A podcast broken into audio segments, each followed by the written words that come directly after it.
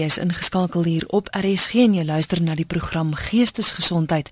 My naam is Christel Webber.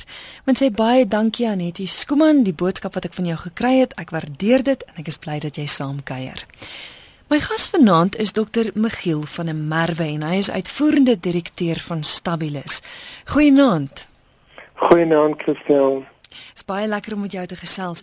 Baie dokter, dankie. Dokter, jy het jou doktoraal gedoen rondom die terapeutiese effek van gebed en dis dan ook ons tema vanaand.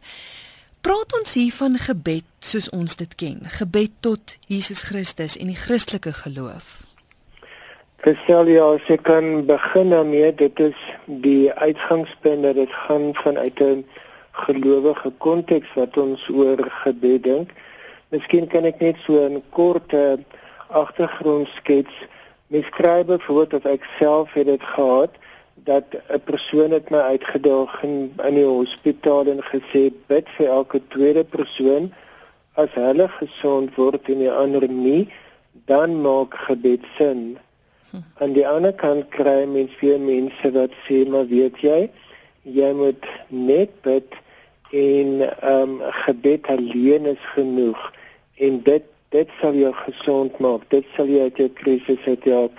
So dis hierdie verskillende pole as ek dit so kan uitdruk wat dan vra bring wanneer 'n mens in een of ander krisis of traumatiese ehm um, storie is en waaroor my onderwerp gegaan het. Nou uiteraard is daar seker na antwoorde gesoek in in die doktoraal wat u gedoen het. Was daar antwoorde gevind? Ja, as ek so in kort so drie temas kan uitlig, miskien kan ons 'n bietjie later praat daaroor. Die eerste vraag het vir my natuurlik gegaan oor hoekom gebed? Is gebed regtig nodig? Wat is die doel daarvan? En dan saam met dit gaan dit wat ons het nou vroeër gepraat het, die hele saak van wie is hierdie God? Hoe verstaan ons hom? Hoe sien ons hom? Die een tot wie ons bid wat vir ons moet help. En dan die heel belangrike een ook wat is die wil dan van God? Hoe moet ek nou my situasie en omstandighede raak sien? En hoe, hoe moet ek God se wil binne my praktiese omstandighede dan interpreteer en verstaan? So dit was jou riglyne waar ek ons gewerk het en waar ons dan antwoorde gesoek het Goed, so as ons begin by die eerste een, hoekom gebed? Ek dink die een saak na my mening is dat ons sê baie keer ons bid want gebed is vra en dat ons kan en moet vir God vra wat dan ook al op ons hart is. Die belangrike saak hier is vir my agter ons moenie vir God ombid na ons doen nie. God verstaan vir ons. God weet wat in ons lewens aangaan. Gebed het baie meer die doel om ons eerder te laat ombid na God toe. Met ander woorde, ons moet die sin en die doel kan insien in dit wat in ons lewens gebeur. Ons probeer dit wat ek sê self God speel en om ombid na ons toe. En die uitdaging is gebed is gesprek. Dis gesprek om met God te praat, maar ook om na hom te luister en dan op hierdie manier te kan verstaan maar wat is sy doel vir jou en hoe wil hy jou vanuit jou omstandighede uitgebruik. Ek het nou 'n SMS gekry van 'n luisteraar Rihanna wat sê Ek kan regtig getuig dat ek nie sonder gebed tot Jesus kan leef nie.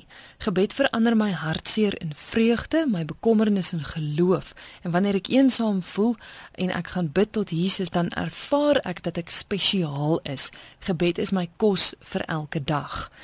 Maar dan kry ek in dieselfde asem 'n SMS van 'n ander luisteraar wat sê my ma is na 3 huwelike en my eie 3 onsuksesvolle huwelike, vind ek dit nog onmoontlik om te bid veral na die Here as 'n vaderfiguur. So daar's die twee uiterstes, een wat sê ek kan absoluut identifiseer daarmee en 'n ander een wat sê maar ek kan nie, ek kry dit nie reg nie. Ja. Dis eintlik baie goed ons kry dit sodat 'n lopende reaksie 'n artikel wat ek gelees het wat my baie aan die ding gesit het is dat dit gaan oor die waagstuk om te bid Ons moet besef dat wanneer ons bid en met God ons situasie deel, dan sit ons met die waarstuk dat die God kan vir ons enige antwoord gee en dan is die uitdaging dat ons met hierdie antwoord moet leef. Die antwoord of dan die sin dan van gebed gaan nie nommer 1 om die uitkoms wat daar is op dit wat ons van God vra nie. Dit gaan om 'n een wat die eerste luisteraar gesê het, die gedagte van die vrede wat ons kry, die rustigheid wat ons kry om te kan weet ek is nie alleen nie. God is by my. God hou my nie dop om te kyk kan ek regkom en kan ek oorleef as ek dink aan die tweede luisteraar met die egskeiding situasie nie dis veel eerder 'n geval ek en God is saam in een span en deur middel van gebed verenig ek myself met God sodat ons saam dan my daaglikse lewe elke dag kan aanpak. Hmm. Jy is ingeskakel hier op RSG. My gas is dokter Miguel van der Merwe en ons gesels oor die terapeutiese waarde van gebed. En jy is natuurlik welkom om saam te gesels. Ek het nou reeds twee van ons luisteraars se SMS'e gelees. Jou SMS kan gestuur word na 3343. Dis 3343. Dit gaan jou R1.50 kos en geen gratis SMS'e geld nie. 'n E-pos kan ook gestuur word via ons webwerf, dis rsg.co.za en daar is 'n skakel wat sê stuur e-pos aan ateljee. Of alternatiefelik kan jy skakel ateljee toe indien jy self met Dr. Miguel wil gesels. Die nommer is 089 1104553. Wat gemaak as mens bid vir die Here, maar jy hou nie van die antwoord wat jy kry nie? Ek dink dit is 'n baie menslike reaksie omdat enige mens wat bid, wil ek glo, het dikwels 'n vooropgestelde antwoord en dit gaan vir jou eintlik om bevestiging te kan kry eintlik om dan daarmee te kan uh, vertel, te kan getuig, verstaan ek het so en so van die Here gevra, dit het gebeur. Met ander woorde, dit is 'n God dan wat almagtig is en 'n God van liefde. En dit sou net net na verwys het die waagstuk of dan 'n ander persoon praat van die tragiese van 'n gebed van dikwels kry ons 'n ander antwoord na my mening baie mense maak die stelling om te sê God gee die antwoord van 'n nee of 'n ja of 'n wag 'n bietjie. Ek is van mening dat God eerder vir ons 'n antwoord gee van wat ons moet noem as 'n ander antwoord. Dit is nooit dat God ons aan 'n lyntjie gaan hou nie. En dit is dan juist hier waar die uitdaging kom dat wanneer ek nie die antwoord kry wat God vir my gegee het waarop ek dalk gehoop het nie, dat ek juis met hierdie antwoord wat ek nou van hom gekry het, dan met hom verder in gesprek sal tree. Maar hoe wil hy moet ek hiermee verder leef? Die probleem soos ek sê is ek dink ons sê nou ons dink God sê wag 'n bietjie en nou kom daar 'n ligleegte wat ons niks kan doen nie dis na my mening nie die geval nie. Ons kry wel hierdie ander antwoord en nou is die uitdaging. Kom ons loop nie na een kant en ontevrede nie. Ons hou steeds bly steeds in kontak met God en ons borstel hiermee saam met hom in gesprek sodat ons dan sin hiervan kan inkry. Mm. Ons het 'n oproep RSG, daar het hy nou verdwyn. Ons het nou eh, vroeër gepraat oor die terapeutiese waarde van gebed en en dit is waaroor u u proefskrif ook gegaan het of die doktoraal gegaan het. So uiteraard is daar seker bewys dat dit werk. Is daar gevalle studies van dat gebed wel gewerk het as as 'n terapeutiese hulpmiddel? Ja, dit is wat ek wat ek net gesê, daar's baie gevalle. Ek dink die wêreld is vol van gelowiges wat sal kan getuig die effek wat gebed en dan met ander woorde ook hulle verhouding in God het. Die groot dilemma soos ek sê gaan oor mense wat wil ander bid um vir 'n spesifieke uitkoms en dan raak hulle on is hulle ontevrede of ongemaklik omdat hulle nie hierdie vooropgestelde antwoord kry nie. Die antwoord van gebed is nie om jou antwoord te kry nie, maar die antwoord van gebed lê daarin om te verstaan wat God se doel met jou in 'n bepaalde om in 'n bepaalde tydvak in jou lewe is. As ek byvoorbeeld 'n vinnige voorbeeld kan noem, 'n vrou wat baie gebid het dat sy het kanker gehad en sy wil wou genees geword het want sy wil met mense gaan praat oor die evangelie oor Jesus. Sy is nie genees nie, inteendeel sy is in die hospitaal opgeneem. Toe sy opgeneem is, het so baie mense kom besoek en toe sy die antwoord gekry, ek wou na mense toe gaan, maar God stuur nou mense na my. Nou dit tyd nou kan ek elke dag praat. En dit is wat ek bedoel waar die antwoord in gebed lê. Hierdie persoon om net 'n voorbeeld te noem het eintlik 'n teenoorgestelde of dan 'n nee gekry want sy nie genees van kanker nie. Maar sy het 'n antwoord gekry om wel elke dag te kon getuig oor wat God vir haar beteken. Ja. Ons het twee oproepe. RSG geestesgesondheid goeienaand. Goeienaand dis goed so swarte praat hoe gaan dit? Goed en jy nee baie gesien dankie ek luister na julle gesprek en ehm um, uh dis dokter wat saam saam praat, né? Dis reg ja. ja. Ja. Sorry. Dis reg ja. Ja, ekskuus, ek is besig om te stuur met die gevolge dis baie bietjie bietjie swak aan die kant. Ehm um, die stelling rondom gebed as 'n uh, enkel faktor ten opsigte van die genesing van byvoorbeeld depressie en die klas van ding. Ehm um, ek voel dit is 'n bietjie 'n simplistiese stelling want ehm um, op die uiteinde van die dag ek dink die groter belang lê by die feit dat 'n ou eerstens moet vasstel ehm um, waarin is jou geloof gesetel? En ek kom ek van die praktiese voorbeeld. Ehm um, jy kan besig wees met die dinge van die Here, maar jy kan die Here van die dinge mis. Ehm um, in in in my eie persoonlike lewe waar ek twee keer deur 'n selfmoordsituasie beweeg het waar ek dit probeer het, ehm um, was dit eers werklik toe ek tot die besef gekom het dat ehm um, Christus of God ehm um, is 'n realiteit in my lewe in die sin van dat ek vir jare besig was met hom in 'n in 'n mate dat ek nie besig was met dinge van hom, maar ek was nie werklik met God besig in 'n realiteit nie. As jy kan verstaan wat ek bedoel.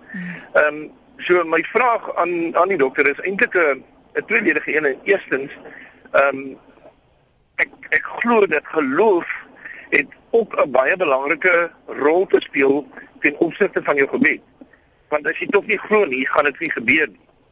Ehm um, dis nommer 1 en nommer 2 die die feit dat wanneer 'n mens in geloof na God toe gaan, ons in gebed na God toe gaan, is dit vir veel Christene wanneer 'n situasie van dankbaarheid en teruggee aan hom eerder as 'n wenslys uh, wanneer kom en sê hoorie maar ek wil dit dit dit uit my lewe uitgesorteer het.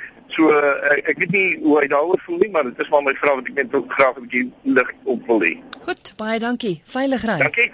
Lekker dan. Dankie. Bye bye. Goed, kan ek geantwoord daarop? Asseblief ja. Ja. Baie dankie vir die vraag. Ek dink dit is 'n baie geldige vraag. Dit is wat ek vroeër vanaand gesê het. Jy kry die mense of dan die siening van mense wat sê, weet jy, gebed alleen geen ander iets is nodig nie. Onthou wat ek gesê het dat dit is die een kant van die siening.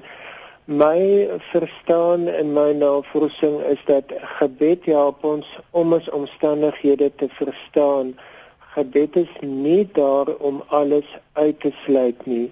Gebed is juis om wat ook al in my lewe gebeur en dan ook middele wat in my lewe is, dit dan juis te gebruik dat ons op hierdie manier wel in 'n gebedsafhanklikheid van die Here kan optree en kan werk, maar dat ons ook verstaan deel van God se genesing of deel van God se antwoord is dan dit was die middele wat hy vir ons van dag tot dag beskikbaar stel soos dan ook in die geval wat hy genoem is van depressie dat die Here ons dan ook op 'n sekere manier kan help met middele wat in die praktyk daar is, maar die groot ding gaan gebed help ons op 'n bepaalde met 'n bepaalde siening en verstaan hoe ons dan ons bepaalde omstandighede gaan benader.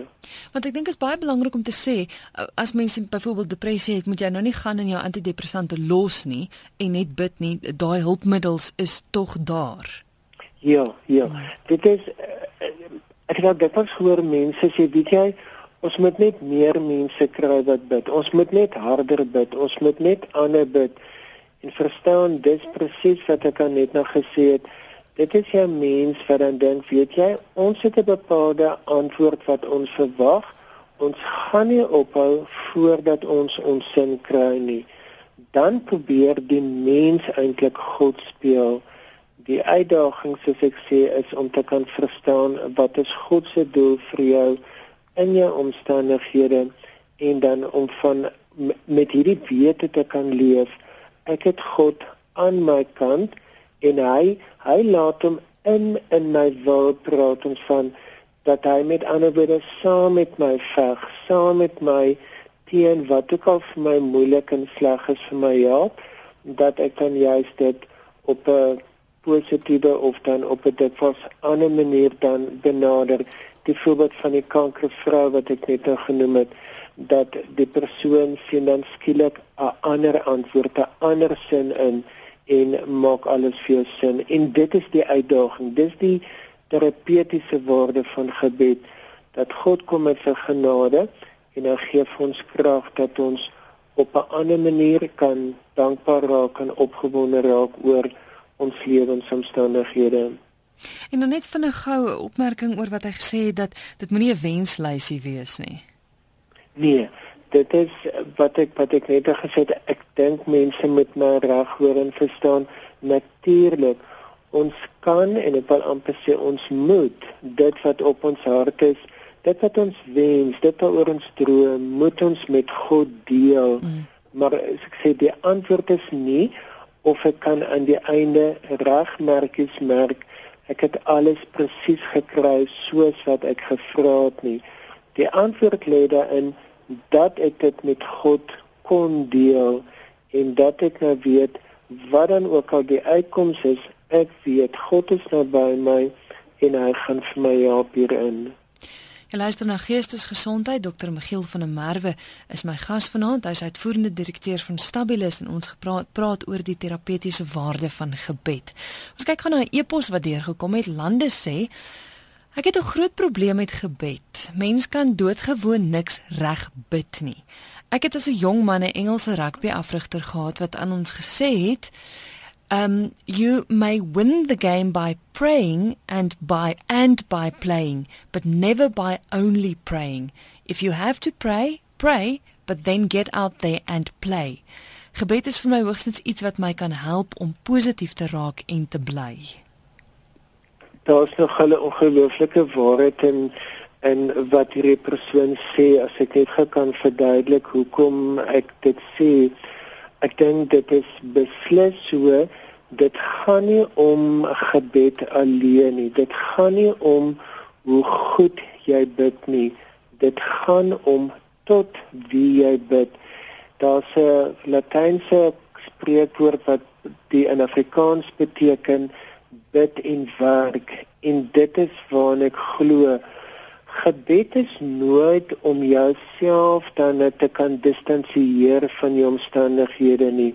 Gebed is om jouself met die omstandighede by God dan aan te haak en saam met hom in 'n span te werk. Met ander woorde in gebed gaan dit om dan weer na hierdie voorbeeld te kom. Juist dan vir die Here te vra my Here help vir my. Hoe moet ek vandag speel? Ja, vir my hoe ek dan juis ook sy teenwoordigheid in my spel kan uitleef, maar dan moet ek dit gaan speel. Dan moet ek dit gaan uitleef. So ons kan nie miskry mense dat sy bietjie ek het nou gebid, nou het ek niks meer met die saak te doen nie. Nou is dit die Here se probleem alleen.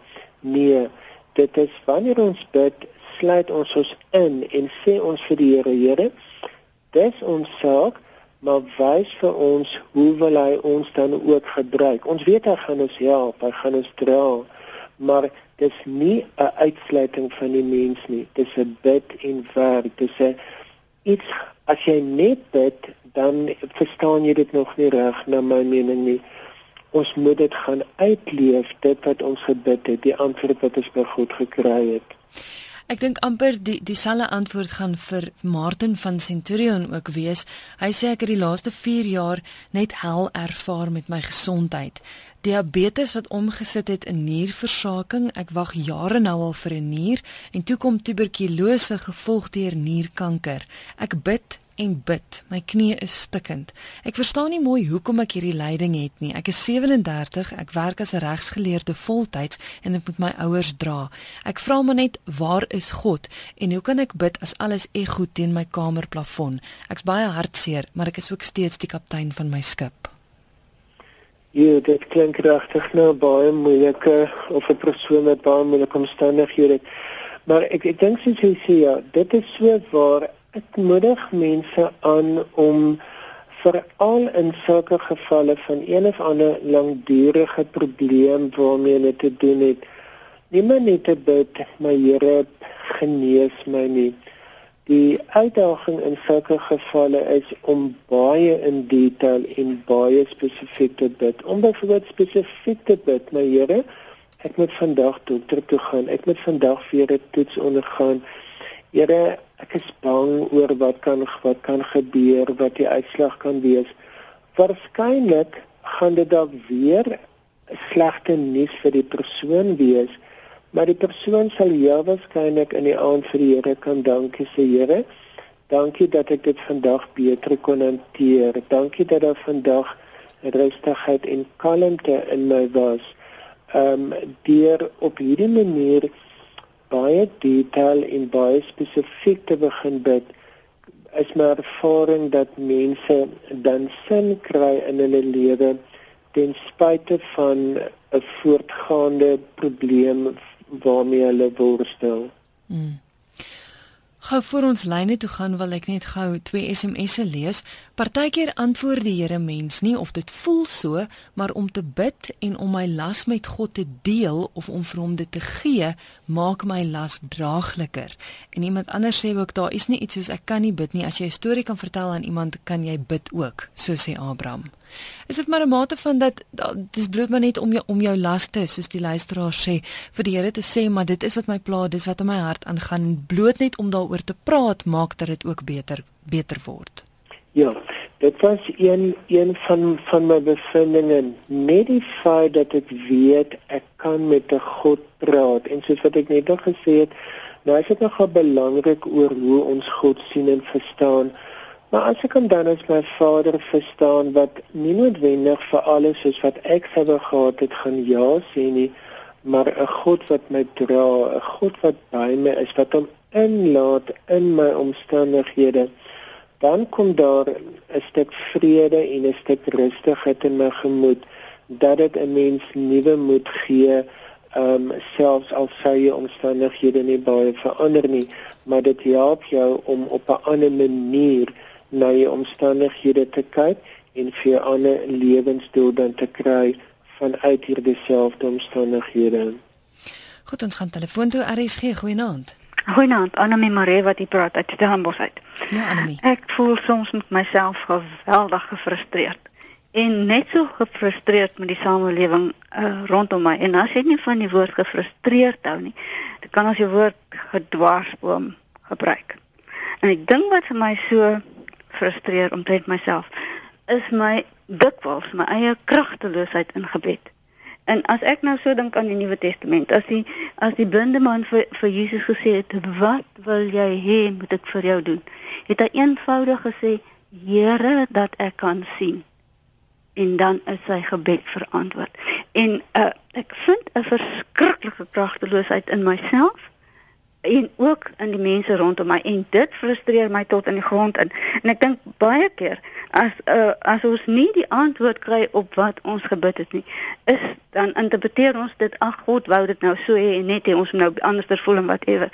Maar as ek dan ook dink aan spesifieke kerke waar daar mense is met sterk geloof wat werklik antwoord op hulle gebede uh uh, uh kry soos soos uh, ou Tantoetjie sy was 94 gewees en sy het blaasontsteking gehad en sy was my buurvrou wat die dokter en die spesialis glad nie kon regkry nie. Toe gaan ons na 'n kerk in Pretoria wat bekend is vir hulle uh, uh, uh, wonderlike uh, uh, genesingsgebede en hulle bid vir Tantoetjie en in die kerk sê die een daar was 'n dokter en 'n ander een wat saam vir die mense gaan staan en bid het. Toe sê die een hy kan haar blaas sien en hy sien dit en dit daaraan. Toe sê die dokter ja, dis dit en dit. En hulle bid vir haar en Tantoetjie is daar genees van daardie blaasontsteking. En in my eie geval ehm um, uh was daar eenslag waar ons net by die Kaaielietjie gaan staan het met die kar. Skerp skemer en daar 'n polisiekar voor ons gery en ek sê vir die persoon wat saam met my is asseblief ry net by hierdie polisiekar verby. Sê net vir hulle hierdie kar gaan ons in die steek laat maar voor ons by die polisiekar kan verbyry daar die kar ons in die steek en daar staan ons. En uh, so 3 kwart kilometer van die ingang van Kailicha ek sê vir jou en jy weet nie wie gaan by jou stop nie. Eerste een wat stop is 'n Indiër. Hy sê moet net nie die kar hier los nie. Hulle sleep hom in 15 minute in die bosse in. En dan strippel hom seker. Die volgende een wat daar stop sê, ehm um, ek wil nie hier stop nie. Al 3 weke gelede hier iemand doodgeskiet, maar ek is op pad somers het Wes toe. Ek kan julle by die polisiestasie daar afraai. Ons bly in Stellenbosch. En toe ons so weggeloop van die kar af. My sussie het gesê as jy moet kies tussen jou kar en jou lewe, kies jou jou jou lewe want jy kan altyd weer 'n ander kar kry. Maar ek's 'n pensionaris en ek weet ek kan nie so maklik weer 'n ander kar kry nie. En ek as daar ooit 'n ding is wat waar is, nood leer bid. In daai omstandigheid van nood sê ek net met beslisheid, vra ek net die hemel, sit 'n kordon van engele om hierdie om hierdie kar. En ons ry weg. Weet jy? Ons uh, die aand half 11 het ons uh, van die polisiestasie in Somerset West eers 'n pick-up service kon kry wat ons gewillig was om ons terug te vat Kaalicha toe en ons ry tot daar waar uh, my kar is, maar nou moet ek vo vooraf sê. Toe ek gevra het sit 'n kordon van engele om hierdie kar. sien ek skielik al op die rand, dit was 'n groen Volkswagen kar. Hmm. Al op die rand van die kar uh bo op. Soos ligte vlamme wat so omtrent 7.5 duim hoog is, maar is liggeel en cream. Ons gaan so rondom die kar en hulle beweeg baie min. Hulle beweeg nie so baie soos gewone uh, vlamme nie. En terwyl ons in die polisiestasie is, ou mense van 'n Engelse kerk het ons geleer dat die sterkste bevestiging wat mens kan gebruik is net om te sê God is. En ek het die hele tyd net in die polisiestasie gesê God is en ek het besluit ek moet daardie beeld van daardie vlamme I must hang on to it for dear life en ek het en toe ons um, ek so iets het my nog nooit oorgekom nie. En toe ons nou na die Kaalicha uh, uh, toe ry half 11 die aand, so waar is vet. Daar staan my karretjie ongedeerd. En die ou die uh, uh, breinman wat dit vir ons opgelaai het, maak 'n perfekte job met 'n nuwe uh, uh, equipment wat hy gehad het. En hy ry vir my en vir Philip Coleman wat saam met my gery het, veilig terug tot by ons huis. En ek sê vir hom, jy weet, nou ek weet nie hoe ek hierdie kar by die garage eers gaan kry nie want die kar kan eers start. Hy sê my weet 'n blok weg van jou af is 'n uh, is 'n uh, 'n garage en ek sal die kar môre kom insleep. En ehm um, hy laai ons daai aand veilig agter die sekuriteitshekke van ons eie huis af in. Die volgende dag kom vat hy my kar en nog voor ek wakker is, die kar terug. Dit is dit net die alternator soos wat hy gedink het. En my buurman onder ons het 'n pick-up service gehad. Die loop toe net by my verby, maar hy het pas by die pick-up service begin werk. En um, ons kon glad nie die telefoonnommer onthou wat op sy uh uh uh uh, uh voertuig gestaan het nie. Ons kon nie kontak nie. Ek vra te hom Pieter, ek sê ons het gisterand werk vir jou gehad. Ek sê wat vra jy om uit te kom? Dis hy 750 rand. Nou, daai tyd was my maandelikse pensioen 1500. So dit help sou helfte van my maandelikse mm. inkomste gekos het. En die die ander ou wat ons kom oplaai het 'n perfekte job gedoen het, het 250 rand gevra. En toe ek so by my by my huis se trappe oploop, toe dink ek, "Jene, ehm um, agter in my kar se se boot is drie wynbokse vol goed gepak." En ehm um, ek moet gaan kyk of dit daar is. En ek dink terselfdertyd, maar waarom was daardie vlamme liggeel en krem? Waarom was dit nie oranje soos ander vlamme nie? En ehm um, waarom was hulle stiller as ander vlamme? Ander vlamme is ook destruktief, dit verbrand goed. En skielik weet ek net dis God se vlamme gewees. Hmm. En lank daarna, nie lank daarna, toe lees ek in Hebreërs. Uh hy maak van sy boodskappers, nou boodskappers is 'n ander woord vir 'n engel. Ehm um, winde en vlamme. en ons is perfek opgepas. Die kar is perfek opgepas. Elke ding in die kar is perfek opgepas. Ek weet ag aan my, jy hoef nie eers te gaan kyk of daar goed in die boot is nie. Ek is baie bly jy het gebel en baie dankie. Goed gaan. Totsiens. Ehm um, as ek vinnig daarop kan reageer dit gebeur dikwels en ek het heeltemal ruimte daarvoor dat mense bid en dan natuurlik glo. En dan is daar definitiewe konkrete tekens wat presies gebeur soos wat hulle gevra het. En ek ek dink dit wys net wat is moontlik. Hmm. die enigste gevaar net daaraan of dan wat ek wil hê ons ook moet verstaan die dilemma raak nou wat van 'n volgende keer as jy weer bid en dinge gebeur nie weer presies soos wat jy gevra het nie of dan ander mense en dan raak dit dikwels 'n geloofskrisis vir die persoon. In die lig hiervan het ek dan vroeër vanaand gesê die antwoord is nie om die presiese antwoord te kry soos wat jy gevra het nie. Die antwoord is om te kan weet ek het God by my en dat hy gaan vir my help met wat dan ook al die uitkoms gaan wees om daarmee te kan aanleef. Ek dink dit is dit is waar die uitdaging, dit is waar die terapeutiese waarde van gebed lê. Nie om my antwoord te kry nie, maar wat ek vroeër gesê het om my te laat ombid na God toe.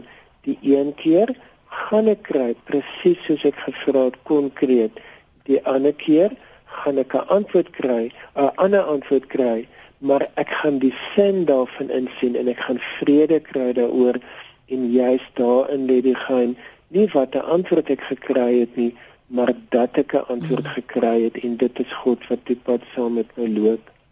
Ena George sê As ek een keer gebid het oor iets, moet ek dit oor en oor bid. Die Here hoor mos die eerste keer. En net bo dit 'n ander SMS van 'n ander luisteraar wat sê ek wil net weet kan ek twee keer bid vir 'n probleem of kan ek net een keer vir 'n probleem byvoorbeeld siekte bid? Daar is nogal teks vers in die Bybel wat wat die Here ook sê jy het al genoeg vir Moses, jy het al genoeg vir 'n saak gebid, jy moet nie weer verder bid oor nie. Ek dink ons het moet verstaan natuurlik kan ons en moet ons dit hang nou af van wat die omstandighede is kan ons ander bid vir onsself, maar as ek kan terugverwys voor vanaand die persoon met die siekte, dis reg. Oor hoes, oor koepelend gaan ek lank bid vir kan jare wees vir sê maar 'n siekte of dat iemand tot bekering kom, se lewe moet verander. Maar die verskil lê in die detail van die gebed van elke dag effens anders bid. Here, vandag gaan ek met die persoon praat. Vandag die volgende dag gaan die persoon dalk hierdie of hierdie iets sê en met ander woorde sodat jy telkens telkens uniek bet telkens detail bet telkens 'n nuwe antwoord kry. Hoe om steeds met dieselfde tema besig te wees maar dan ook dinamies en ehm um, dat dit kan groei dat dit kan ontwikkel rondom wat ek al die spesifieke situasies dan te kan doen toe jy elke dag moet leef en handel raak aan hierdie saak wat jy bid. So dis eintlik 'n ja en 'n nee antwoord. Ja, jy bid almekaar oor die saak, maar nee, nie presies dieselfde nie, want die omstandighede verander mos net van tyd tot tyd. Mm.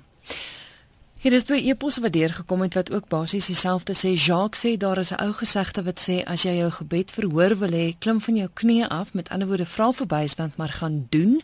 En dan sê Wynand ook daar is 'n tyd vir bid en 'n tyd vir doen en aksie neem volgens ons gesonde verstand. Ek wil dit verduidelik met die volgende storie. Die boot is besig om te sink en Piet sê vir Jan, nou moet ons bid. Maar Jan sê toe jy kan bid, maar ek gaan in daai reddingsbootjie klim. Ja, daar is nog dit is die, dit is ook wat ek net gesê het van die bid en werk, die hele gedagte ek bid. Met ander woorde, ek klaar met God uit oor hoe hy wil hê ek in 'n situasie moet optree.